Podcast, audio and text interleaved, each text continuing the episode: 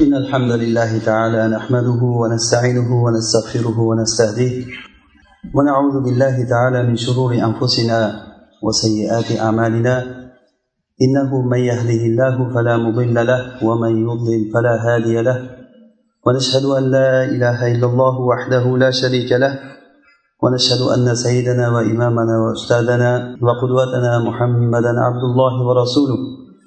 صلى الله عليه وعلى آله وصحابته ومن اهتدى بهديه إلى يوم الدين وسلم اللهم تسليما كثيرا وبعد السلام عليكم ورحمة الله وبركاته bu suhbatimizda uchta savol bo'ldi deb aytilindi biz kimmiz va maqsadlarimiz nima va nima qilishligimiz kerak usullar bundagi bu albatta bu uchala savolga ham javob berishlik ancha qiyin bir majlisda bir e, suhbatda buni bayon qilishlik qiyin narsa. Lekin ba'zi bir e, e, foydalar uchun qisqa qisqa suratda aytib o'tamiz. E, bizni asosan hidoyat olishligimiz uchun eng asos bo'lgan narsa alloh subhanahu va taoloni kitobi va rasuli sollallohu alayhi vasallamni hadislari rasulullohni sunnatlari. Biz odamlar bu hayotda har xil fikrlardan hidoyat olib har kim har xil partiyalar va manhajlar o'tgan odamlarni tarixlaridan o'zlariga hayotlarida bir hidoyat istab yurgan bir paytda alloh subhanahu va taoloni hidoyati bilan tavfiqi bilan biz qur'oni karimdan hidoyat olishligimiz mana shu qur'ondan biz o'zimizga foyda olishligimiz e, bu allohni bir katta bir tavfiqi. Bugungi suhbatimizda men e, qur'ondagi hozirgi bugungi kundagi bizni shu bugungi voqeligimizga juda ham uyg'un keladigan o'xshaydigan bir hikoyani qur'ondagi bir qissani aytib bermoqchiman. Qasos surasida bu voqeada alloh subhanava taolo eng diktator bo'lgan fir'avnni va shu fir'avnni zulmidan ezilgan bir xalqni mazlum bo'lgan bir necha yillardan beri mazlum bo'lgan xalqni muso alayhissalomni shaxsida uni ko'rsatib qanday qilib turib shunday diktator bir zolimni zulmidan e, bir necha yillardan beri ezilgan na ularda ilm ma'rifat bor bo'lgan bir ummatni qanday qilib turib undan olib chiqib ketganligini qur'onda bizga qissa qilib beradi qur'on bizga bu tarix kitobi yo bir qissa kitobi emas. Qur'on bizga hidoyat kitobi. Qur'ondagi har bir gaplar har bir voqeadagi bir joylar biz uchun katta katta bir hayot manhajini bizga beradi. Mana shu holatda muso alayhissalom fir'avndan qo'rqqan holatda qo'rqqan holatda fir'avn u kishini o'ldirib qo'yishligidan qo'rqib o'zi asli muso alayhissalom hammamiz bilamiz fir'avnni qasrida katta bo'ldilar. Yeganicha ovqat oldi deydi. Qasrda yashadilar. Lekin mana shu hayotdan u kishi qo'rqqan holatda bitta ayb qilganligidan fir'avn u kishini o'ldirmoqchi bo'ldi. Keyin u kishi qo'rqqan holatda misrdan chiqib ketdi. Mana shu chiqishligini qur'on bizga toki qanday qilib turib misrdan chiqib madyan joyiga borib u yerdagi hayoti qanday bo'lganligini bizga bayon qilib beradi. Bu suhbatimizni ismini mazlum bo'lgan musulmonni yo'li deb ismlasak bo'ladi inshaalloh. Ya'ni mazlum musulmonni yo'li. Biz o'ylaymanki men hozir bu majlisimizda aksar kishilarni voqeligi shu narsaga o'xshaydi.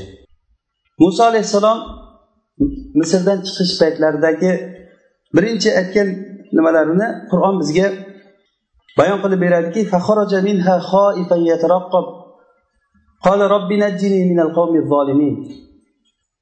u kishi misrdan chiqqanda qo'rqib chiqdilar va aytdilarki ey robbim meni zolim qavmdan o'zing qutqargin dedi. Demak bu zolim qavmdan meni qutqargin degan gapidan mazlum bo'lgan musulmon kishi hamisha birinchi o'rinda alloh subhanava taolodan najot talab qilishlik kerak ekan. Agar qanchalik darajada sabablar bo'lsa ham musulmon kishini asl asoslari bu hozir bizni gapirmoqchi bo'lgan uchinchi asoslarni misol bo'ladi. Ya'ni bizni hayot asosimizni birinchisi alloh subhanava taolodan madad so'rashlik najotni ollohdan talab qilishlik. U kishi kechqurun chiqdilar o'sha chiqqan paytlarida hech qanaqangi bir oldilarida bir rejalari yo'q edi. Qayerga boraman? Yo cho'ntaklarida katta bir pul yo'q edi yo yordam beradigan bir yonida odam yo'q edi. Hech narsa yo'q. Shu holatda madyan tarafga qarab yo'l oldilar. Fir'avn u kishini o'ldirishligidan qo'rqqan holatda chiqib shu chiqqan paytda birinchi aytgan gaplari robbi najjini minal zolimin zolim qavmdan meni qutqargin deb duo qildilar. Demak bizni musulmon mazlum bo'lgan kishini birinchi qilayotgan duosi hayot yo'lidagi manhaji zolim qavmdan alloh taolodan madad so'rash kerakki zolim qavmdan bizni qutqargin deb. Va ikkinchisi o'zini o'zi ayblash kerak. Ya'ni inson shu mazlum bo'lgan kishi mazlumligini hamma joyda pesh qiladigan odamlardan ko'p eshitasiz biz mazlummiz bizni haqqimiz qolib ketgan haqqimizni olish kerak deb turib lekin asosiy narsa inson o'zidagi zulmi bo'ladi. Muso alayhissalom shu holatda duo qildilarki robbi inni zolamtu nafsi fag'firli ey robbim men o'zimga o'zim zulm qildim meni kechirgin deb duo qildilar. Olloh o'sha payt kechirdi deb birdan lekin muso alayhissalom u kechirganligini bilmaydilar. Alloh taolo aytyaptiki olloh o'zi kechirdi u kishini. U kishi o'zlariga o'zlari shu zulmni o'zlariga mansub qilib aytyaptilarki men o'zimga zulm qildim. Demak musulmon mazlum bo'lgan kishi ollohdan najot talab qiladi va zulmni birinchi bo'lib turib o'zidan ketkazishlikni harakat qilish kerak. Ya'ni buni bir tafsilotiga kirsak juda keng mavzu bu. Mazlumman degan musulmon kishilar ko'pchiligi olloh istisno qilganlardan tashqari zolim bo'lib turib yashayotgan odamlar qancha? U zolimligi biz zolim deganda faqat bir podshohni suratidagi zolimni tushunamiz. Lekin zulmni turlari ko'p. Har biringiz podshohsiz har biringiz qo'l ostilaringdan mas'ulsizlar. Kimdir xotiniga zolim kimdir bo'lsa qo'l ostidagilarga kimdir keliniga qaynalar. Ikkita xotini bor bo'lgan kishilarga birinchi xotin men mazlumman muhojirman degan holatda ham qanchalik darajada zulmni nihoyasiga yetkazib xayoliga kelgan ishni qiladi. Xayoliga kelgan gapni gapiradi. Lekin bu narsada hech o'ylamaydiki men shunda adolat bilan gapiryapmanmi? Bu xayoliga kelmaydi. Ollohni rozi qilishlikni boshqa yo'llari ko'p degan xayol keladi odamga. Bu bilan bizga najot kelmaydi. O'zi aslida biz bitta narsani bilib olishligimiz kerakki bizni maqsadimiz nusrat qilishlik zolimlarni ustidan g'alaba qilishlik bo'lmasligi kerak. Buni yaxshi tushunishimiz kerak. Bizni maqsadimiz ollohni rozi qilishlik bo'lishi kerak. Olloh bizdan qachon rozi bo'ladi? Kofirlarni o'ldirsak ularga g'olib bo'lsak rozi bo'ladimi?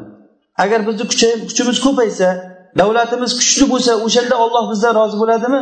Yo'q.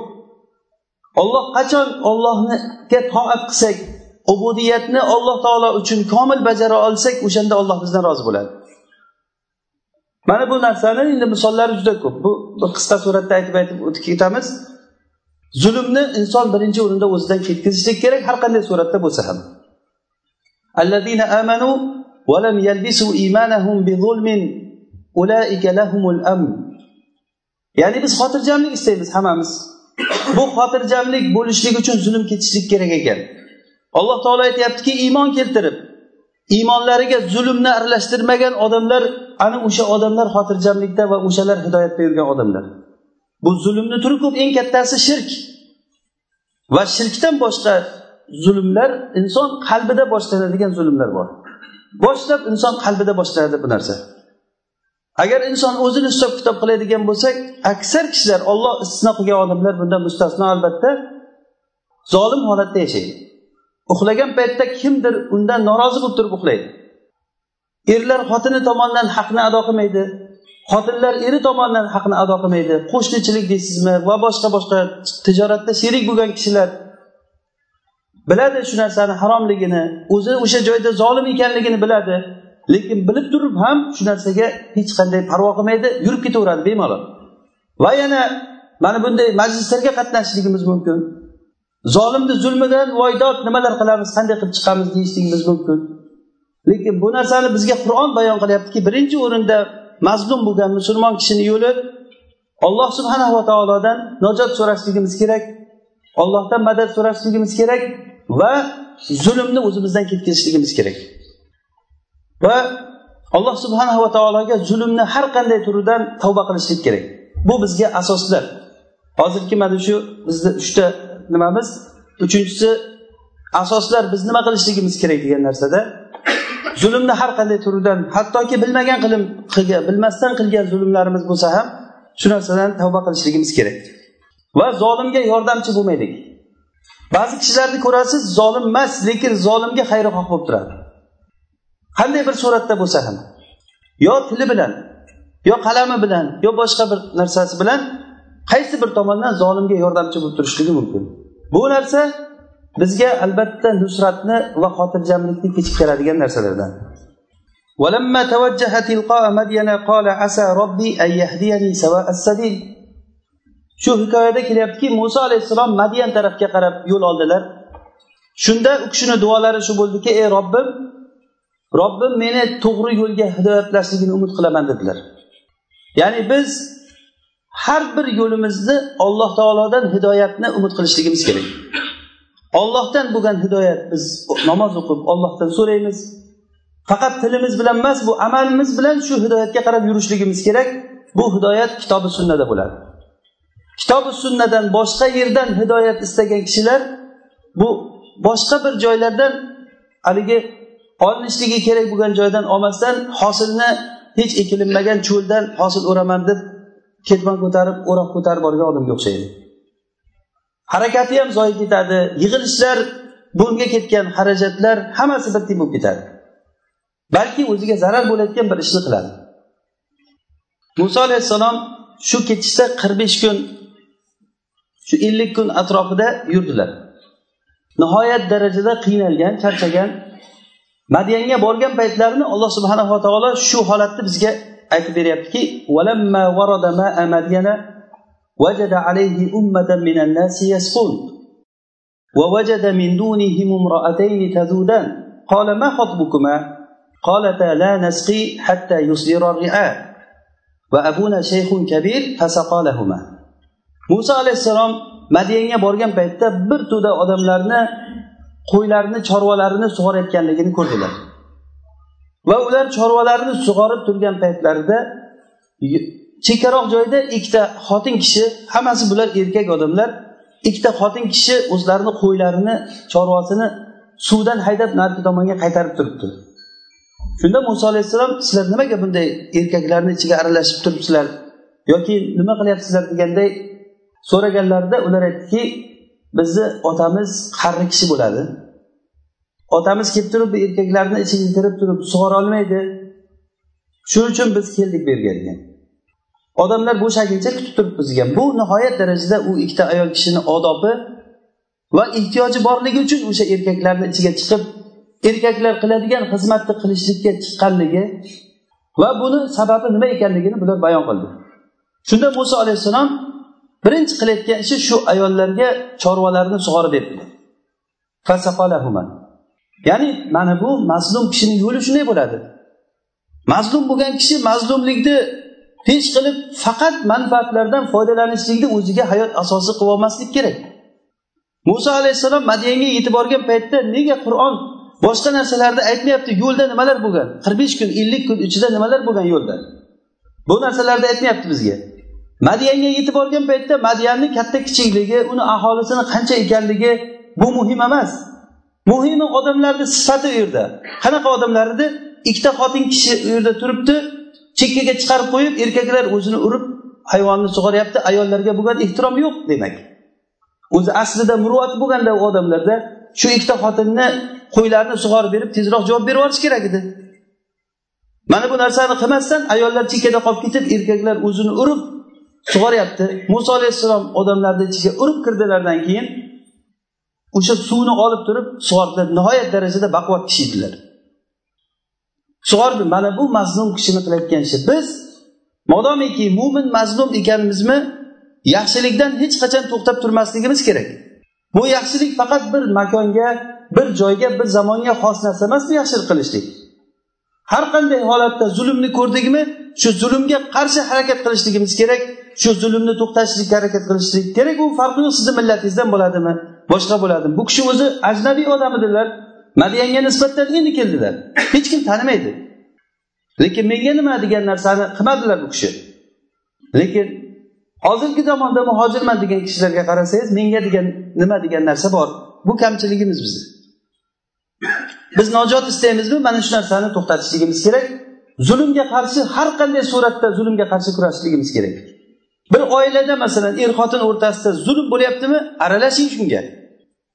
Ayol kishi ko'chada qolib ketishlik holatlarini ko'rasiz. Bolalari bilan. Bizni ichimizda yetimlar qanday holatda yashayapti? Bu narsaga hech kim qarab turishligi kerak emas. Modomiki biz zulmdan qutulishlikni xohlaydigan bo'lsak. Qur'on mana shuni holatini muso alayhissalomni ko'rinishida bizga aytib beryapti borib o'sha ayollarga birinchi qilayotgan ishi sug'orib berdilar. Keyin nima qildilar? Keyin qo'ylarni sug'orib bo'lgandan keyin bir soyaga o'tib turib robbim men senga muhtojman dedilar. Robbi inni lima anzalta ilayya min khayrin faqir. Ey robbim menga sen nozil qilib tushiradigan narsangga beradigan yaxshiligingga muhtojman dedilar. Demak bizni aslimiz bizni asl asoslarimiz hozir mana shu yerda aytgan nima asosdamiz biz deganimiz bizni asl asosimiz ollohga muhtoj ekanligimizni e'tiqod qilishligimiz kerak. Keyin bizni qilayotgan ishlarimiz mana shundan keyin kelib chiqadi. Har bir qilinadigan ish aqidadan kelib chiqadi. Bizni aqidamiz alloh taologa muhtojligimizni bilishligimiz kerak. E'tiqodimiz shunday bo'lishlik kerakki robbim men sen menga bergan narsangga muhtojman degan odamlardan non so'ramadilar madiyanga yetib borgan paytda qiynalib bordilar. O'sha ayollarga yaxshilik qilib turib endi bir choy poylaring bo'lsa bir piyola choy ichaylik demadilar ularga. Yo uylaringda bironta bo'lsa aytib yuboringlar nonpon beringlar demadilar. Ollohga ehtiyojini aytdilar. Robbi inni lima anzalta ilayya min xayrin faqir dedilar. Alloh subhanahu va taolo insonni ana shunday muhtoj qilib yaratgan. Ya ayyuhannas antumul fuqarou ilalloh vallohu huval g'aniyul hamid. Ey insonlar sizlar ollohga muhtojsizlar. Alloh taolo u g'aniyun hamid bo'lgan boy bo'lgan maqtovga sazovor bo'lgan zot.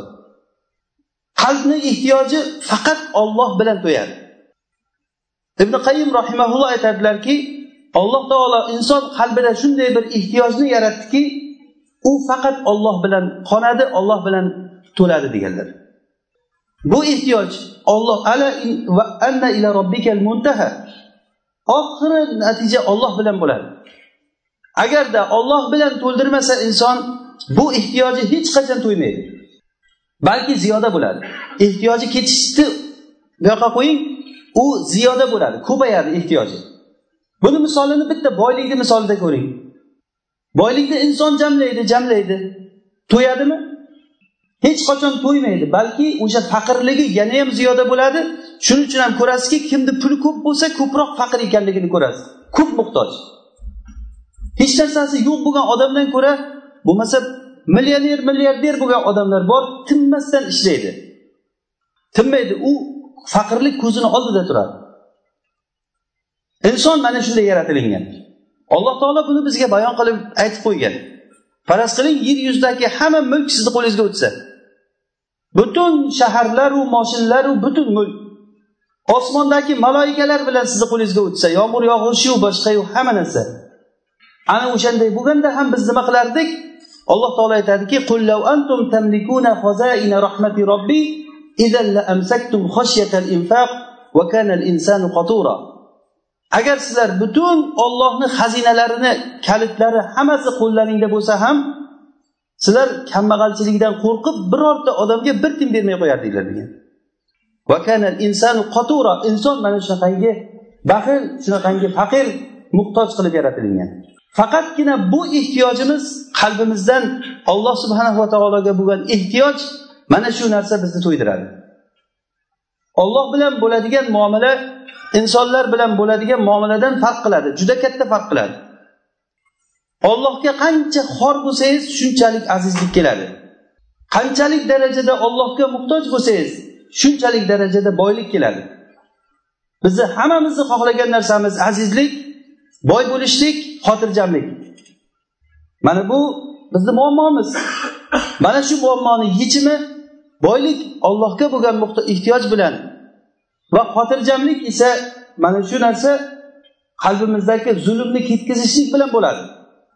Kim agar o'zidan zulmni ketkazib yaxshi ishlarni qiladigan bo'lsa bu bilingki bu insonni saodatini belgisi bo'ladi.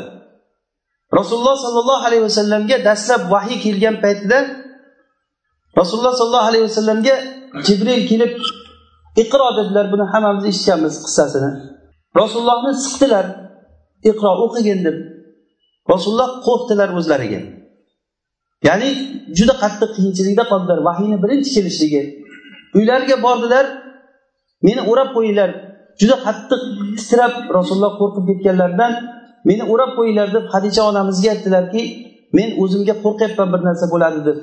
Juda qo'rqdim deganlarida shu yerda bir e, hadisha onamizni bir ajoyib gaplari borki kalla vallohi lan yuhziyakallohu abada degan. Qasam ichib aytganlar. Yo'q siz qo'rqmang. Ollohga qasamki olloh sizni hech ham xorlikka uchratmaydi degan. Va uni sababini aytdilarki chunki siz qiyinchiliklarda odamlarga yordam berasiz mehmonni ziyofat qilasiz mashaqqatlarni ko'tarib yurasiz mazlumlarga yordam berasiz. Hadicha onamizni fahmini qarang. O'sha paytgacha hadicha onamiz birorta oyat birorta hadis eshitganmilar hali payg'ambarlik endi keldi. Birorta oyat eshitganlari yo'q birorta hadis eshitganlari yo'q. Lekin mana shu qoidani u kishi aytib qo'ydilarki qasam ichib aytyaptilar. Ollohga qasamki siz xor bo'lmaysiz. Sababi nima uchun siz doim yaxshilik qilasiz deganlar biz xorlikdan chiqib ketishlikni xohlaymiz hammamiz. Bu xorlikdan chiqib ketishlikni yagona yo'li yaxshilik qilishlik bo'ladi. Zulmni ketkazishlik bo'ladi. Har qanday surati bilan zulmni ketkazishlik bo'ladi. Alloh subhanava taolo o'zini diniga yordam berishlikka o'zi qodir bo'lgan zot. Muso alayhissalomni voqeasida hozir muso alayhissalomga alloh taolo chaqaloq paytida yordam bermadimi? Onasi qo'rqqanligidan u kishini bir savatga solib endi rivoyatlarda sandiq deydi muhim bir narsaga solib suvga qo'yib yuborgan. Olloh ilhom berdi. U kishiga shunday olloh ilhom berdiki bolangni sandiqqa solib suvga qo'yib yuborgin deb. Suvga qo'yib yubordi bolasini shu paytda ba'zi rivoyatlarda keladi bolasini qamishlarni ichiga suvga qo'yib qo'yib ip bilan bog'lab qo'yib o'shaga bir qoziqqa ip qoqib qo'ygan. Kelib emizib emizib ketgan. Bir kun kelsa o'sha ip yechilib ketgan yo'q bola. Tasavvur qiling onani qalbi qanday holatga tushadi? Mana shu bola oqib borib to'g'ri fir'avnni qasrini tagidan o'tishlikda fir'avnni xotini buni olib turib fir'avnga aytib biz buni bola qilib olaylik deb fir'avnni qasrida alloh taolo onasiga pul berib turib emizdirdi fir'avnga. Olloh asrayman desa mana shunday asraydi. Qanday deb o'tirmang. Kerak bo'lsa zolimni qo'li bilan alloh taolo sizga ne'mat beradi. Agarda olloh xorlayman desa billah eng siz adolat istagan odamingiz tarafidan sizga zulm kelishligi mumkin. Odamlar asosan ulamolardan va amirlardan adolat istaydi. Shular tomonidan yaxshilikni xohlaydi. Lekin yomonlik mana shu ikki tomondan kelishligi mumkin. Ya'ni odamlarni eng buzgan narsa dinni buzgan narsa mana shu podshohlar va ulamolar va johil obidlar emasmi?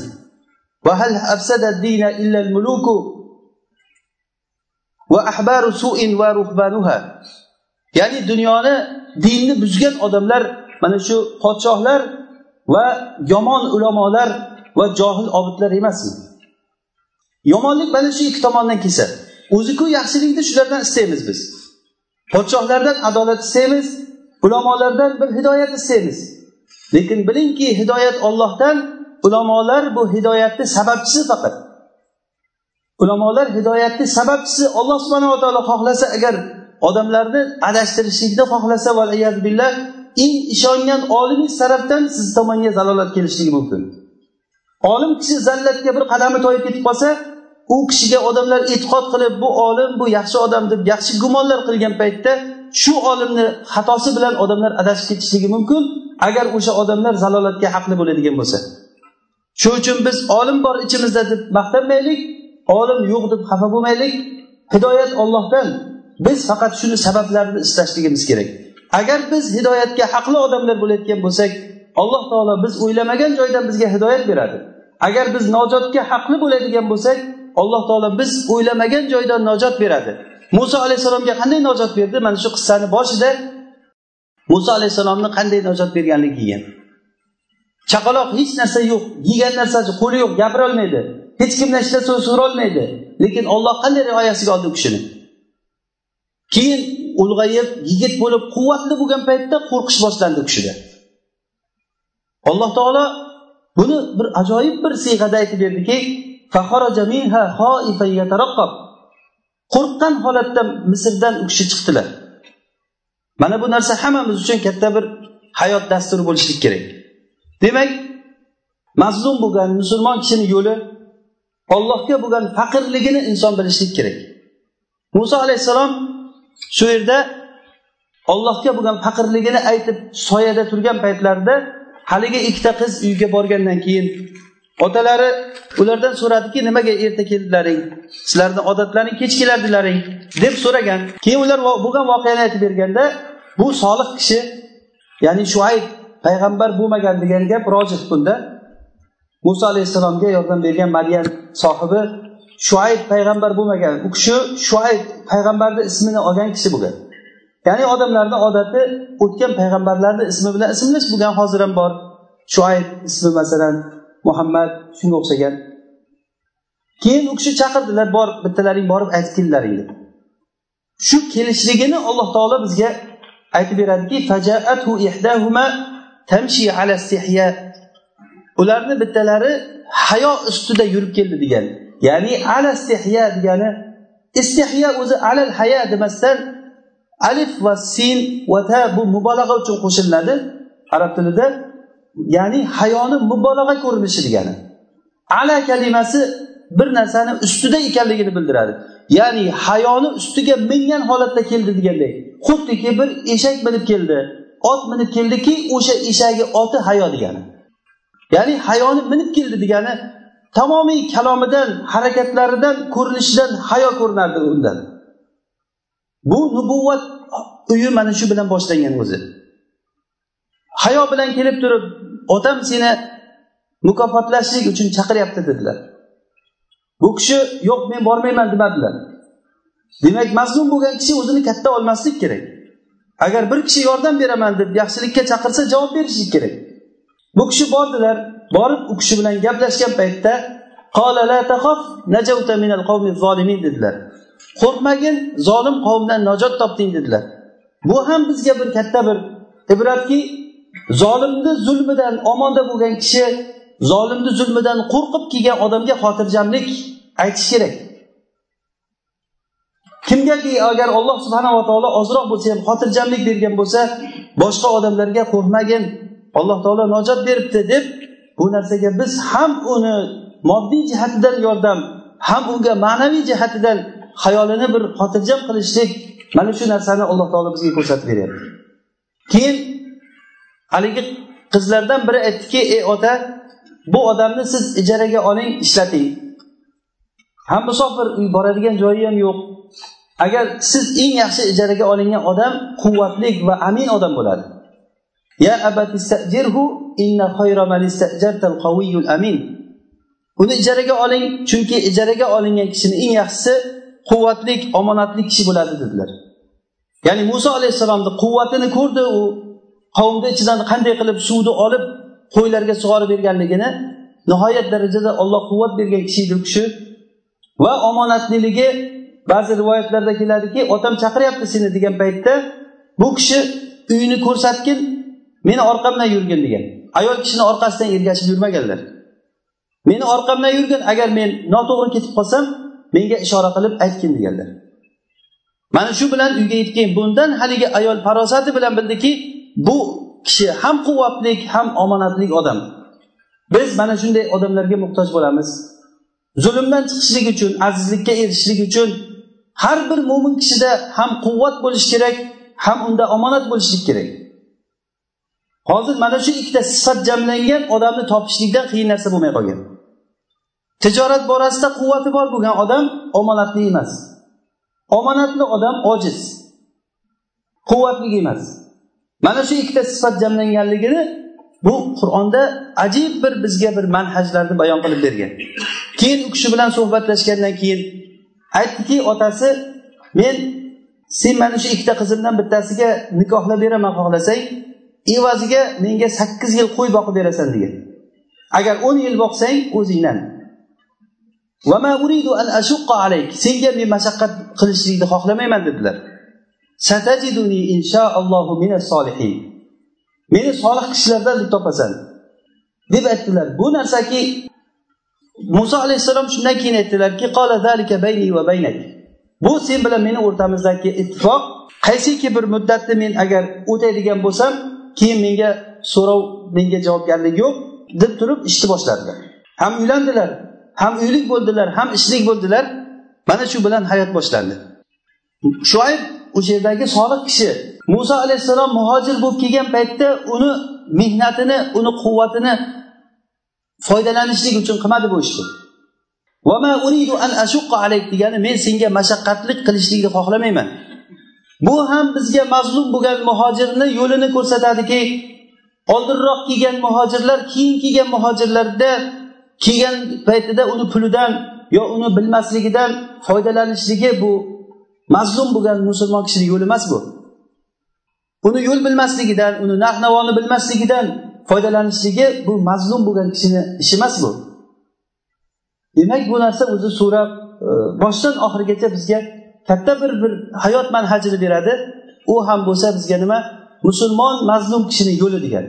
Bunda muso alayhissalomni madyan nima misrdan chiqib madyanga kelishliklari va madyanda yashashliklari u yerda nubuvvat uyi bo'lib turib oila quvvatlik omonatlik erkak kishi bilan haqiqiy hayolik ayolni o'rtasidagi oila qanday vujudga kelganligi va mana shu uyda yashab turib keyinchalik u kishiga alloh taolo nubuvvatni berib qaytib borib turib fir'avnni katta bir diktator bo'lgan zolimni qanday qilib turib alloh taolo u kishini qo'li bilan halok qilganligini qissasini bu qur'on bizga hikoya qilib beradi. Demak bizni bilishimiz kerak bo'lgan narsalar biz kimmiz? Biz kimmiz degan narsada e, hozir aytilindi biz musulmonlarmiz. Albatta biz musulmon kishimiz lekin xosroq ma'noda aytsak xosatan ko'pchilik odam mazlum musulmonman deyishligi mumkin. Mazlum mazlum musulmon. Mazlum musulmonni yo'li nima? Mazlum musulmonni yo'li xuddiki muso alayhissalom mazlum holatda misrdan chiqib madiyanga kelib nima qildilar? Bundagi asoslarni bizga bayon qilib beryapti. Biz sabr qilgandan keyin bilaylikki bu sabrdan keyin aniq e'tiqod bilan ishonaylik alloh subhanava taolo bizni yordamchimiz bo'ladi. Bu bizni asosimiz bu. Olloh bizni yordamchimiz bo'ladi. olloh biz ollohga muhtojmiz har bir sohada har bir narsada kimki agar ollohdan boshqaga agar o'zini ehtiyojini tashlasa uni ehtiyoji hech qachon qolmaydi alloh subhanava taolo hammamizni hidoyat qilsin to'g'ri yo'lda sobit qilsin hammamizga najot bersin hayotimizni yo'lini qur'on va sunna bilan olib borishlikni alloh taolo hammamizga tavfiq bersin سبحانك اللهم وبحمدك نشهد أن لا إله إلا أنت نستغفرك ونتوب إليك